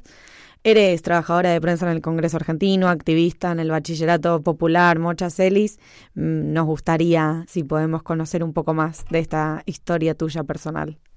Sí, em, yo comienzo la transición ya de grande, lo cual creo que me allanó bastante camino, o sea, me facilitó mucho el camino hacia, lo- sobre todo lo que era la, el desarrollo profesional. Eh, yo arranqué a los 25 aproximadamente, ya estaba promediando mis últimos años de universidad, lo cual también fue difícil porque mm, yo me tuve una educación privada y en ese momento ni siquiera se hablaba, o sea, sí se hablaba de identidades trans, pero no estaba tan en vilo como ahora, sino que era algo más que estaba asociado con la nocturnidad, ¿no? Con lo que se asocia a nuestras identidades. La nocturnidad, siempre conceptos o estereotipos negativos, nocturnidad, marginalidad, drogadicción, prostitución, trabajo sexual no, no, no se imaginaban una travesti en, en una universidad. Y sí, aún, aún sigue pasando que nuestra presencia en ámbitos diurnos, ya sea en un café, en una escuela, en un puesto de trabajo, sigue interpelando, porque la gente se pregunta, ¿qué hace esta acá? ¿O qué hace este acá? No, no, no, no es su lugar, porque durante mucho tiempo realmente se construyó nuestras identidades en torno a esos espacios. Entonces ahora que comenzamos a ocupar otros espacios, como que interpela, genera confusión, genera duda, miedo. Y mm, yo siempre digo que llegó un momento donde, o sea, yo ponía en una balanza diciendo, bueno, voy a tirar por la basura un montón de años de universidad. Ya sabía más o menos con lo que me iba a encontrar, pero siempre digo que termina ganando em, la necesidad de ser. creo que a nosotras nos vence el ser quien queremos ser, porque vivimos una vida que es prestada. Durante mucho tiempo yo digo que nosotras performamos, hacemos como una performance de ser alguien que no somos. Y obviamente en dejar ese alguien que vos fuiste durante tanto tiempo es un duelo para nosotras, que la gente a veces no lo piensa. Es fuerte duelar una persona que fuiste durante 20, 30 años, 15 años y convertirte realmente en quien vos querés ser. Porque atrás del otro lado, por más que vos tengas, en mi caso tuve súper contención familiar, es decir, no fui una chica que viví la discriminación estructural, sí viví hechos de discriminación como todas identidades trans, pero el principal, que es el de la familia, no lo viví. Y creo que eso a mí me dio mucha herramienta, porque tener el amor de tu papá, de tu mamá, de tu hermano, eh, el saber que vos vas a salir afuera y que te vas a encontrar con un ambiente que es súper hostil, que no te va a entender, que te va a discriminar, sabes que en casa hay un refugio. Es súper importante el acompañamiento familiar y no es el común denominador. No, no, por eso digo, no es, eh, no es lo que ocurre con la mayoría de, de, nosotras. Yo fui, y siempre lo digo, fui súper afortunada en ese sentido, porque sabía que en casa tenía el amor y ese amor me daba también como una herramienta para poder seguir adelante, es decir, para poder salir y enfrentarme. Y a la primera que flaqueaba o me caía y volvía a casa, sabía que iba a haber alguien que me iba a decir, vamos, levántate, adelante, a enfrentar de nuevo, ¿no? Luli, tu historia es inspiradora y, y, vos muy poderosa. Es un placer escucharte y seguir aprendiendo de vos. Yo te quería preguntar algo que es recurrente, que la gente eh, tiene miedo o dudas. Entonces, cuando se encuentra con una persona eh, y no sabe cómo llamarla, ¿qué tenemos que hacer? Porque es como una duda, ¿ahora qué hago? ¿no? Y, y, y a veces, muchas veces por ignorancia, no porque quiera, o sea, hacerlo mal expresamente. Obvio, yo creo que lo primero que hay que entender es que todos, todas, todos somos personas, ¿no? Y cuando nos vamos a referir o estamos hablando con una identidad trans, lo primero que tengo que preguntar es ¿cómo te llamas? o ¿cómo te gustaría que te llamen? Que en realidad debería ser algo que deberíamos tomar como ejercicios con cualquier persona, más allá de una identidad trans, ¿no? Porque por ahí mente, por, por ahí eh, la otra persona es una persona no binaria y una ve una expresión de género cuando en realidad por ahí se siente identificada o identificado o identificada de otra manera. Entonces yo creo que hay que poner en ejercicio esto, ¿no? Preguntarle a la otra persona, sea quien sea que tengamos enfrente, cómo te llamas, y eso ya te va a dar un primer indicio de cómo la otra persona se autopercibe, o cómo querés que te llamen, o con qué pronombres, esta es como algo más complejo, con qué pronombres te sentís identificado, identificado, te gustaría que te llamen. Y eso ya te va a dar como la El otro día justamente veía un- una firma en un correo electrónico que eh, incorporaba abajo del nombre como eh, el, el pronombre, exactamente el pronombre en distintos idiomas. Y me resultó, la verdad, muy interesante como diciendo, "Ah, yo quiero que me llames eh, Mariel y me identifico con el pronombre la. Digo, y, Claro. y la verdad que me parece muy interesante, lo mismo que tu historia, Lu. Te agradecemos muchísimo desde la radio por, por esta participación. No, por favor, ustedes por, por darme el espacio y bueno, súper contenta de que nuestras voces lleguen hasta Cataluña, que amo, así que, que me encanta estar acá con, acá con ustedes. Muchas gracias, Luli, por estar eh, con nosotras y es fantástico escuchar diversidad de voces y en este programa siempre tratan de hacerlo, así que gracias, Mariel y Keral. No, Cora, gracias a, a tú por traernos esta, siempre estas historias y siempre, eh, la verdad, no sé, ¿qué, qué opinas tú, Keral? Nos vamos con, con muchos aprendizajes nuevos y, y escoltant. conociendo, digo, muchísimo más. Jo estava aquí escoltant i és que l'última pregunta jo crec que és que és tan òbvia que és que crec que no l'hauríem ni de fer. O sigui, com et pregunt, com, com et dius o com vols que se't tracti, no? Crec que aquesta és la primera pregunta que hauríem de fer amb qualsevol persona i és que ho, po- pot semblar fins i tot tonto fer, fer aquesta pregunta, Sí, no? sí. Però, però crec que és molt interessant tota la conversa que, que hem tingut avui, eh? Luli, Cora, muchísimas gracias por la participación en el SPY de Género y Diversidad de A Banda y Banda y espero que pronto igual nos volvamos a, a conectar. muchas gracias por la invitación. Fila propera, Cora. Al martes que viene. Chao, chao.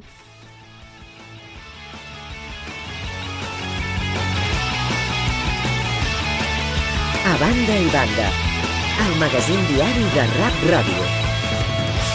My generation is not the salvation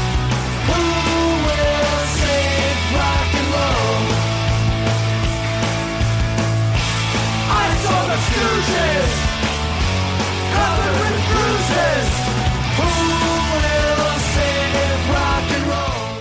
Y lo veníamos anticipando, a Banda y Banda sigue creciendo, sumamos siempre distintas voces y el día de hoy tenemos justamente Una més? una nueva voz. Sí.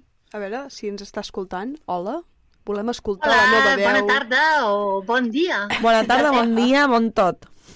Bon vespre, depèn de- d'on d'on Exacte. estigueu escoltant eh, Rap Ràdio, la ràdio dels americans i dels catalans.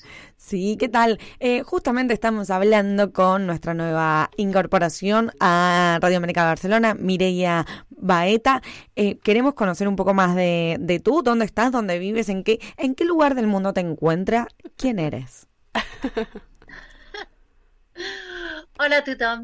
Bé, eh, va, abans que res, vull agrair l'oportunitat que m'esteu donant. Vull agrair a Germà Capdevila, el director de la ràdio, i a tot l'equip l'oportunitat de participar amb vosaltres. Jo em dic eh, Mireia Baeta i estic a Tolosa de Llenguadoc, a Occitània, aquí a Europa, a, en aquest poble, germà del català, els occitans. Y bueno, ¿hace cuánto vives eh, allí y qué es lo que, que haces? Doncs jo ja fa 16 anys que visc a, a Tolosa de Llenguadoc, a Occitània. Vaig venir per qüestions sentimentals perquè vaig conèixer un senyor occità que tenia uns ulls irresistibles. És que ens agraden molt les històries aquestes a nosaltres, eh? Sí, sí. O sea, ¿Sí? yo creo que eh, digo, nuestro programa siempre crece a base de, de estas historias y, y cada día descubrimos más. Sí. Doncs jo seria el que seria una immigrant sentimental. I també us vull dir, abans, felicitar Germà Capdevila pel, pel Premi de la FIEC, i també us volia dir que jo també sóc una catmex, al cap i a la fi. He arribat a vosaltres a través de Mireia Viladevall i Isabel Bargalló, perquè jo, tot i ser catalana, vaig néixer a Mèxic, a México DF. Apa, esta, esta parte de la historia debo confesar que no la sabía, me está sorprendiendo en vivo y en directo. ¿Cómo sucede eso? Jo sóc una catmex, per mi Mèxic és la meva segona pàtria. ¿Y cómo, sí. eh, En, en qué año, cómo fue? ¿Tus padres habían viajado? ¿Tú has nacido ahí y luego se han regresado? ¿Cómo fue? Els meus avis, ja tornem amb la Guerra Civil, Claro. Exiliats de la Guerra Civil. El meu avi, Francesc Ferrer, va participar en el complot del Garraf. Això és tota una història que ja us explicaré un altre dia. El complot del Garraf, bé, senzillament el rei d'Espanya va arribar a Barcelona i va dir que Barcelona s'havia de bombardejar cada dues generacions i el meu avi, eh, que era fundador de Bandera Negra i d'Estat Català i tot això, amb d'altres companys van, li van posar una bomba, senzillament, en el tren, en el rei Alfonso XII. I, curiosament, en aquell tren també hi havia un general que va canviar el rumb de la història. En aquell tren hi havia el Franco. Llàstima que la bomba no va explotar. I bé, eh, el meu avi va estar a la presó i tal, i el, a l'esclatar la Guerra Civil es va haver d'exiliar i va anar a parar a Mèxic. Y como gran parte, como un gran par de catalanes y catalanas que, que han sido acogidos en Latinoamérica, sobre todo eh, en México, y que aún incluso muchas de estas familias continúan eh, viviendo, ¿no? Eh, en, en Centroamérica. Eh, vamos a contarles, Mireia, a la audiencia que eh, esta participación de este spy cultural tiene nombre, que es Batex de Parábolas, que, que, que va a tener eh, muchísimo contenido que ya en minutos nos vas a contar y que próximamente en la futura programación, porque el año que viene tendrá muchas incorporaciones y nueva programación Radio América Barcelona, será un programa de Radio América Barcelona. ¿De qué tratará, Mireia, este eh, espacio que, que compartiremos? Bé, jo sóc molt catalana, eh? Vaig tornar quan només tenia tres mesets, perquè els meus pares no els perseguia el Franco. El, el Franco perseguia els avis. Doncs eh, tractarà de poesia. de poesia.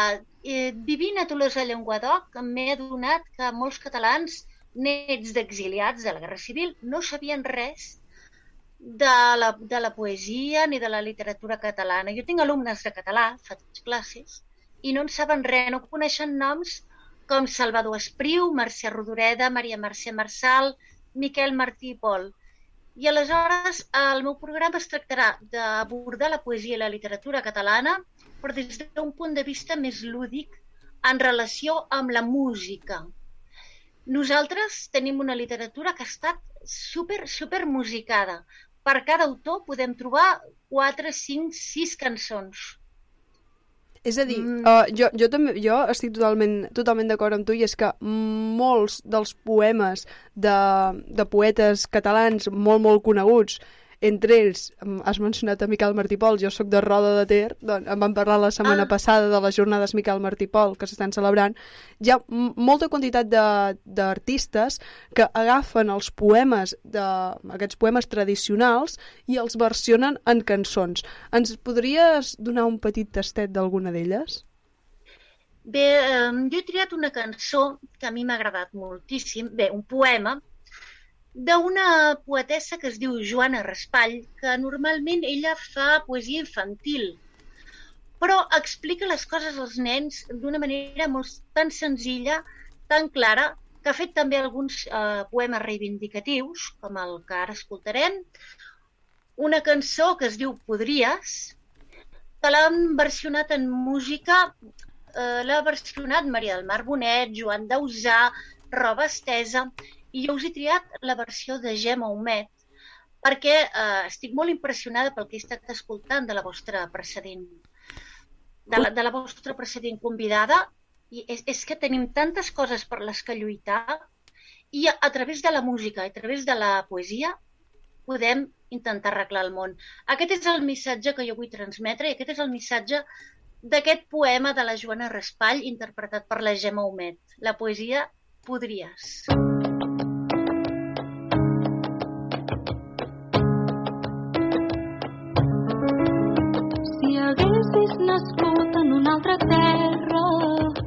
podries ser blanc, podries ser negre, un altre país, fora casa teva,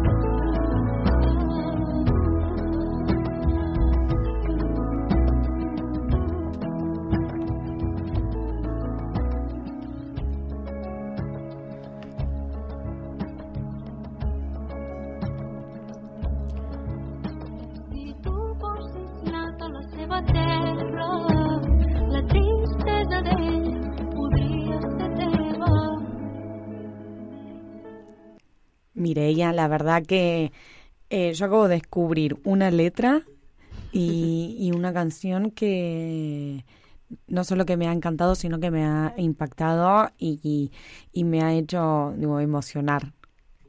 Mm, perquè per ser una poesia per infants pot arribar a, a les persones grans. Sí, sí, és que està, i, i perquè has vist el vídeo, és impressionant com una família que és típicament catalana, però podria ser de qualsevol lloc eh, occidental, com està indiferent al costat de, de persones d'una altra raça i completament indiferents, vull dir, és, és impressionant, es podria aplicar a qualsevol lloc del món.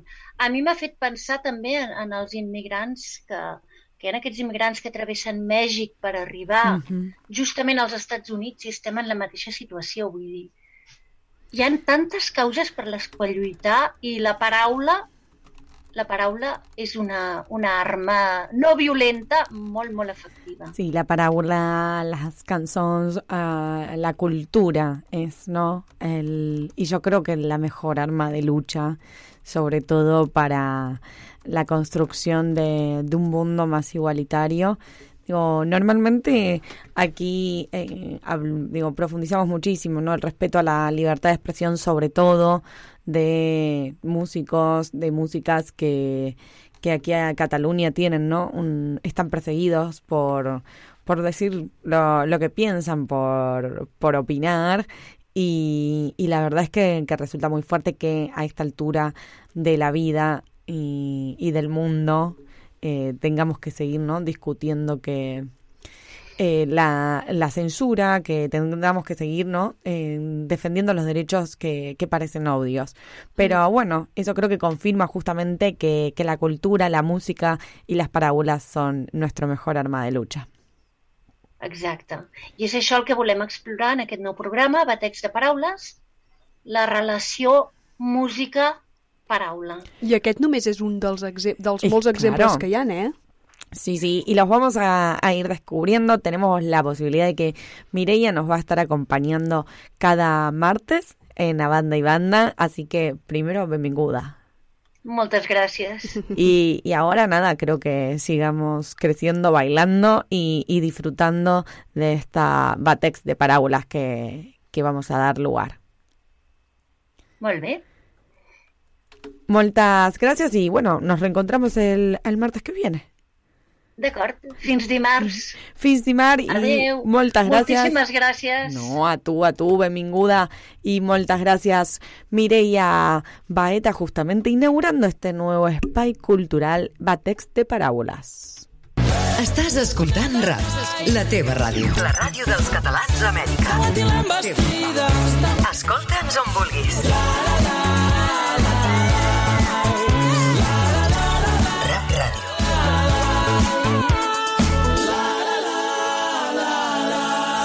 Descarrega't-la.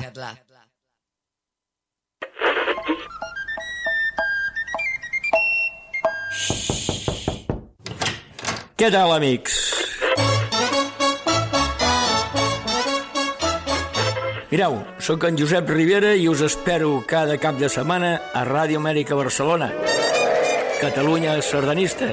Sempre que vulgueu, a rap.cat ens trobareu. Rap Ràdio. En un moment de crisi sanitària com l'actual, rebem multitud d'informacions i d'imatges. Abans de compartir-les, però, ens hem de preguntar estem segurs que són veritat? En coneixem la font? Ens ofereix credibilitat? Tenen data? Són actuals o de fa temps? N'hem llegit només el titular o la notícia sencera? Si és un àudio, estem segurs que la persona que l'ha enregistrat és realment qui diu ser? Detecta les fake news. Atura't, pensa i verifica abans de compartir. Una recomanació del Consell de l'Audiovisual de Catalunya. Estàs escoltant Rap Ràdio. Ràdio Amèrica Barcelona. A banda i banda. El magazín diari de Rap Ràdio. My generation is not the salvation. Who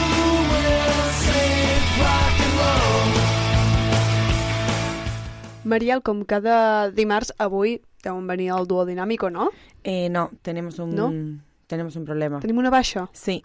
No. O Sí. sigui, ara, ara, ara com li Ya no es más, no sé cómo presentarlo. Ya, ya no es dúo dinámico, Quedé ahora es me sacan, del, me sacan del guion y no sé qué hacer porque hoy no tenemos al dúo dinámico, solo justamente contamos con la presencia de Cristian Costa desde el Casal de Quito. Cristian, ¿cómo hacemos ahora? Ui, això serà terrible, ara. Si vols pots fer el duo dinàmico No, però- amb alguna de nosaltres dues, eh? No tenim cap problema. Ah, nosaltres... El, el Santiago però hi és sempre, eh? Per això, per això. Santi eh, Keral, ¿por qué no haces tú de Santiago? Vale. Venga. Entonces, ¿qué tal? Bienvenido al dúo dinámico siempre desde eh, Ecuador, listos para contarnos todo el spoiler de lo que pasará este esta tarde, esta noche en Pun de Trovada. Santiago Barreiro desde el Casal de Guayaquil, bienvenido. Hola, bona tarda. Bon, bon, bon dia aquí a, a Guayaquil, en aquest cas. Cristian Costa desde el Casal Catalán de Quito. Bon dia, bon dia. Un gust estar amb vosaltres. No, la verdad que el placer es nuestro, Cristian Santiago. Y el día de hoy tenemos un nuevo Pun de Trovada a las de, de la NIT. ¿Con qué nos encontraremos? Cristian, tot teu, eh? Ho pots explicar tu, si Sí, va, vols. va, ser- no, Santiago, va ser interessantíssim, eh? Molt, molt. Sí, vam, ten, vam tenir l'Antonio Baños i va, vam gaudir, vam xalar perquè va ser molt especial, eh, Santiago? Sí, sí, eh, l'Antonio Baños havia estat al, al Parlament de Catalunya, no? Sí, i, i moltes, en molts altres llocs, eh? Sí, sí, fer entre... entre paper, eh, és- està, està, tot, està tot arreu, també, eh? Amb, eh, sí, sí, no, molts llibres també de crítica sobre el capitalisme. que va Exacte. fer, de fet. I no sé si estarà d'acord amb, amb la decisió que ha pres la CUP després de- d'ara per, per firmar els pressupostos de, de Catalunya, per tant, mm, li haurem de tornar a preguntar a l'Antonio Baños, l'haurem de És que tornar no a és convidar. De, les, cu- de la CUP. eh, Va Havia, de havia, candidat havia format part de la CUP, per tant, independent, eh? esperem a Com a veure... independent. Sí, sí, sí, però Eh, hem de- Santiago, sí, hem, sí. hem d'estar pendents a veure, doncs, per tornar-li a preguntar, l'hem de tornar a convidar al programa per veure si està d'acord o no amb, el que decideix la CUP per als pressupostos de Catalunya, no? Jo creo... Sí, no, sempre serà molt interessant perquè veureu d'aquí una estona um, que, que té un missatge diferent al que se sol escoltar. I com sempre va ser una conversa molt i molt llarga, no? Molt i molt llarga, amb molt bones preguntes de tots els participants, el Santiago inclòs, tots, tots. Uh, va venir, va tornar doncs, en Germà, que feia dies que no ens podia acompanyar. Les meves I- preguntes van ser interessants. Sí, sí, sí. Bueno, Sí. va, justo, yo creo que Keral, eh, Cristian Es te la puede llevar a Keral a- al casal de Guayaquil porque tranquilamente puede hacer de Santiago. És que passa que el Santiago ja està quasi de viatge, eh? Això també. sí, sí, sí. Ho sabeu, no? Sí, sí. Estábamos, Tu estábamos estàs al- aquí quasi a punt d'agafar les maletes, eh, Santiago? Perquè te'n vas a, amb la Neus a, a, doncs, a Catalunya per la premiació del Batista i Roca. Home, jo encantada de tornar-me a reunir amb la, amb la Mariel i amb la Caral. Jo encantadíssima. Encantadíssim, perdó. Y traen regalos, ¿no? Va, eh, no sé, que ho digui el Santiago, no? Traen regalos, ¿no? Per tu no, Mariel, per la Caral, tots els del món, però per tu no. No, la verdad que vamos a Bueno, iniciar espera, que el radio Santiago, el novela. me Santiago habla, habla, habla- no habla catalán a vegades, habla más castell, castellano. Una mica i una mica. M'estava preparant, t'estaves preparant perquè, justament perquè... Al eh, premi. per la Ah. il·lusió de, de la premiació, eh? Sí, a més a més, la Caral li agradarà que parli jo català. Bueno, Cristian, eh, la verdad es que imagino que, eh, que Antonio Baños ha sido una conversación muy interesante porque eh, además es una persona que con la cual se puede abordar muchísimos temas. Sí, sí, sí, sí, sí. Hem, sempre molt sentit de l'humor um, i, i realment declarant-se um, declarant-se i també doncs amb un missatge d'independentisme optimista que això ara a vegades mm, fa falta fa falta i eh, ens va agradar molt no? perquè va ser una veu com amb un missatge diferent amb molts altres. No, és que sí que hem tingut més independentistes optimistes també. Claro, pero... Però no, pero ya es la molt- segunda va vez ser que molt- Cristian molt hace clar, referencia a eso. Us Sí. ho recomano molt. molt. Eh, sempre estic pensant que valdria molt la pena, ja que fem l'espoiler també, Mm. de, de fer una mica de resum o de, de, de passar Una parte, d'aquestes alguna parte. entrevistes i trobades que tenim perquè són de gran nivell. També estava molt content l'Antonio del, pel Consell per la República, que tindrem. I, I bé, també vam tenir les preguntes d'un altre aquí, penso que convidat en- que tenim normalment aquí, no? el Roger Caballero, no? Vull dir que Claro. també teníem aquest contrast, no? Perquè ja està el Partit Socialista i, i va portar. Llavors, eh, us ho recomano moltíssim. Va ser, va ser una altra sessió extraordinària que es va allargar més del que...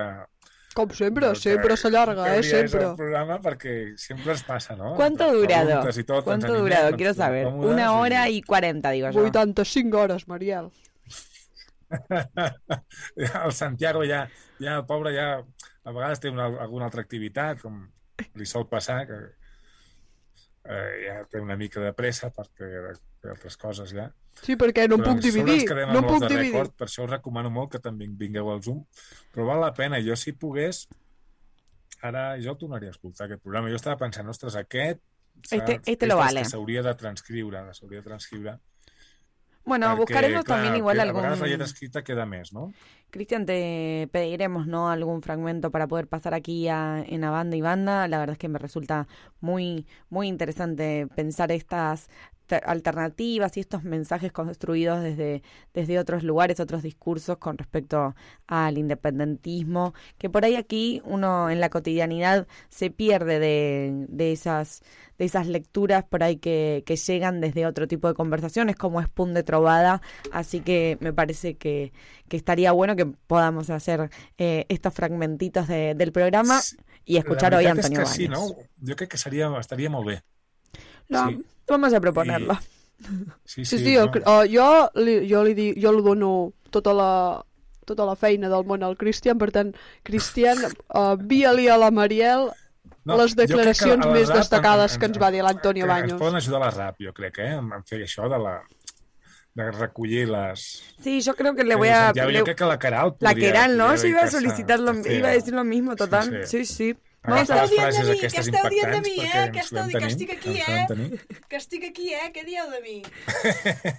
Hola, què dèieu? Per, eh, és que eh, he sortit un moment, anar al lavabo, ara ja estic aquí. Què, què, Tenemos què tal? una nueva, tenemos justamente una nueva tarea ¿Sí? eh, que es eh, va a haber fragmentos de punto de trovada que vamos a pasar aquí a banda a banda y queríamos solicitarte con Cristian que por favor los prepares. El Santiago estava d'acord en que- ho faci jo, això? Sí, sí, fue idea del Santiago y todo. Ah, vale, vale. Doncs jo, al Santiago, el que digui ell, ho faig. Bueno, Cristian, entonces, invitación para el día de hoy a las 10 de la nit. Sí, no, no us ho perdeu perquè va ser un altre programa extraordinari i... Però tot i així, Cristian, ja, ja que estic jo aquí, dir-te que si no es pot escoltar avui a la nit a rap ho poden fer a través de, del, de les plataformes de podcast, a Spotify, Sí, a SoundCloud. sí, si poseu a rap.cat barra podcast podeu recuperar el programa d'avui amb l'Antonio Baños i també la resta de programes de tot Ràdio Amèrica Barcelona. És veritat, és veritat, eh? Sí, queda gravat, de fet, sí, sí. Sí, pero el día de hoy a las 10 de la nit hora catalana en rad.cat podrán escuchar justamente este punto de trovada en una entrevista especial a Antonio Baños que recién Cristian nos lo anticipaba, nos lo spoileaba como una de las mejores entrevistas. sí moltes gràcies eh, per l'espai, com sempre, aquest spoiler que fem, i no us ho perdeu, no us ho perdeu. També, com sempre, m'a- m'agradaria fer una mica de spoiler de, del que hi haurà casals en xarxa, ja ho sabeu. Vinga, vinga. Bé, Li has demanat permís al mateix- Santiago o no? Perquè... Com, com? Que el Sí. Santiago no sé si et deixarà, eh? Vols que el vagi a buscar? No, no, no, No solo cal, no? Ah, sí que em deixa, sí que em deixa, sí, eh, sí, sí, yo creo que sí. Vale, perfecte. Um, uh, doncs això, si ja vau veure el programa de l'Antonio Baños i que tot i que val la pena tornar-lo a escoltar, doncs potser a les 11 de Catalunya o altres hores en altres franges horàries podeu uh, venir al Qui Som, que farem amb la Maria de Febre Fonollosa, que és filla de, de refugiats, un refugiat a, a França, es va criar a Tolosa i és científica especial. I bé, doncs, del casal català de Tolosa, i ens eh, serà molt interessant conèixer-la d'aquesta manera doncs, un, bastant personal, no? que és la diferència potser entre el qui som i el que, que ara estem punt. passant a la rap i el punt de trobada és que el, el qui som és com més íntim, no? és més conèixer-nos com a persones. Y además está eh, Llavors és- la Mercedes clar. Porqueras entrevistando que no va, va in- ingresa al entrevistado y desde otro lugar. Mm. És, és, diferent, és com més íntim, no? I la, la Maria Lefebvre eh, serà molt, molt interessant avui, que tindrem el, doncs, el qui som. Que el Santiago després no, t'aniràs de seguida cap a, cap a Catalunya, eh? Cap a, que tens les maletes a punt, acaba el programa i te'n vas cap a l'aeroport. Sí, sí. I després, eh, eh, que el dijous tindrem tindrem en Josep Coroanyes de la Comissió per la Dignitat aquest dijous serà interessantíssim també a la, igual 11 hores a Catalunya i el diumenge tenim altre cop xocolata i contes eh, i serà programa eh, sobre el temps el temps cronològic eh?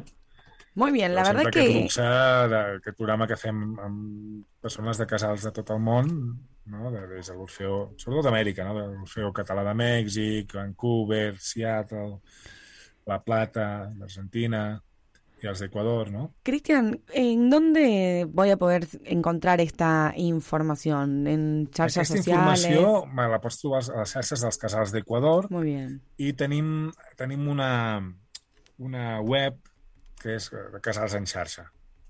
Perfecta. Molt bé.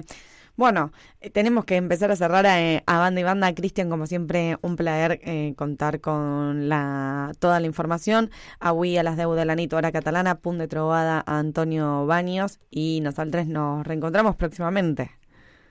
Moltes gràcies, moltes gràcies, Caral, i res, amb el Santiago ja, ja doncs, us esperem, eh? Avui l'he sentit molt dins, no sé per què. Sí, sí, sí. Sí, sí, pero, ¿no? pero la verdad es que siempre el dúo dinámico está dispuesto a trabajar y hoy Cristian ha, la verdad, traído toda la información aquí a banda y banda. Fins la propera. Adeu. Ens recupera abraçada. Y nosotros seguimos justamente con la agenda de A Banda y Banda porque avui a las 7 de la tarda, hora catalana, Mariel, tenim Catalunya avui. Manuel Rosell és el convidat d'avui d'Horacio Vivini, responsable de l'acció per Argentina, Uruguai i Paraguai. Per tant, no us ho perdeu avui a les 7, hora catalana, Catalunya avui.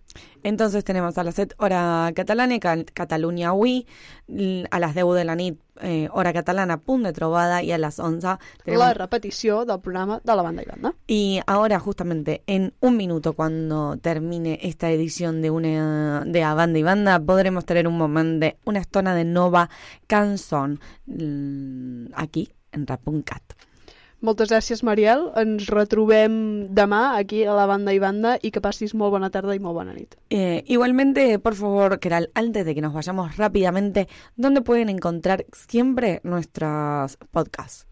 Doncs a les plataformes habituals, a Spotify, a SoundCloud, a Amazon Music, a Apple Podcast o a Google Podcast. També si poseu a Google, com diria la Mariel, rap.cat barra podcast, podreu trobar tota la programació en format podcast de tot Ràdio Amèrica Barcelona, com el, com el, punt, el punt de trobada, la banda i banda Catalunya Avui, la taverna del Barça. Per tant, Mariel, allà tens tot el ventall de tots els programes que tenim. Fins demà, Keral. Fins demà, Mariel. Esto ha sido una nueva emisión de A Banda y Banda.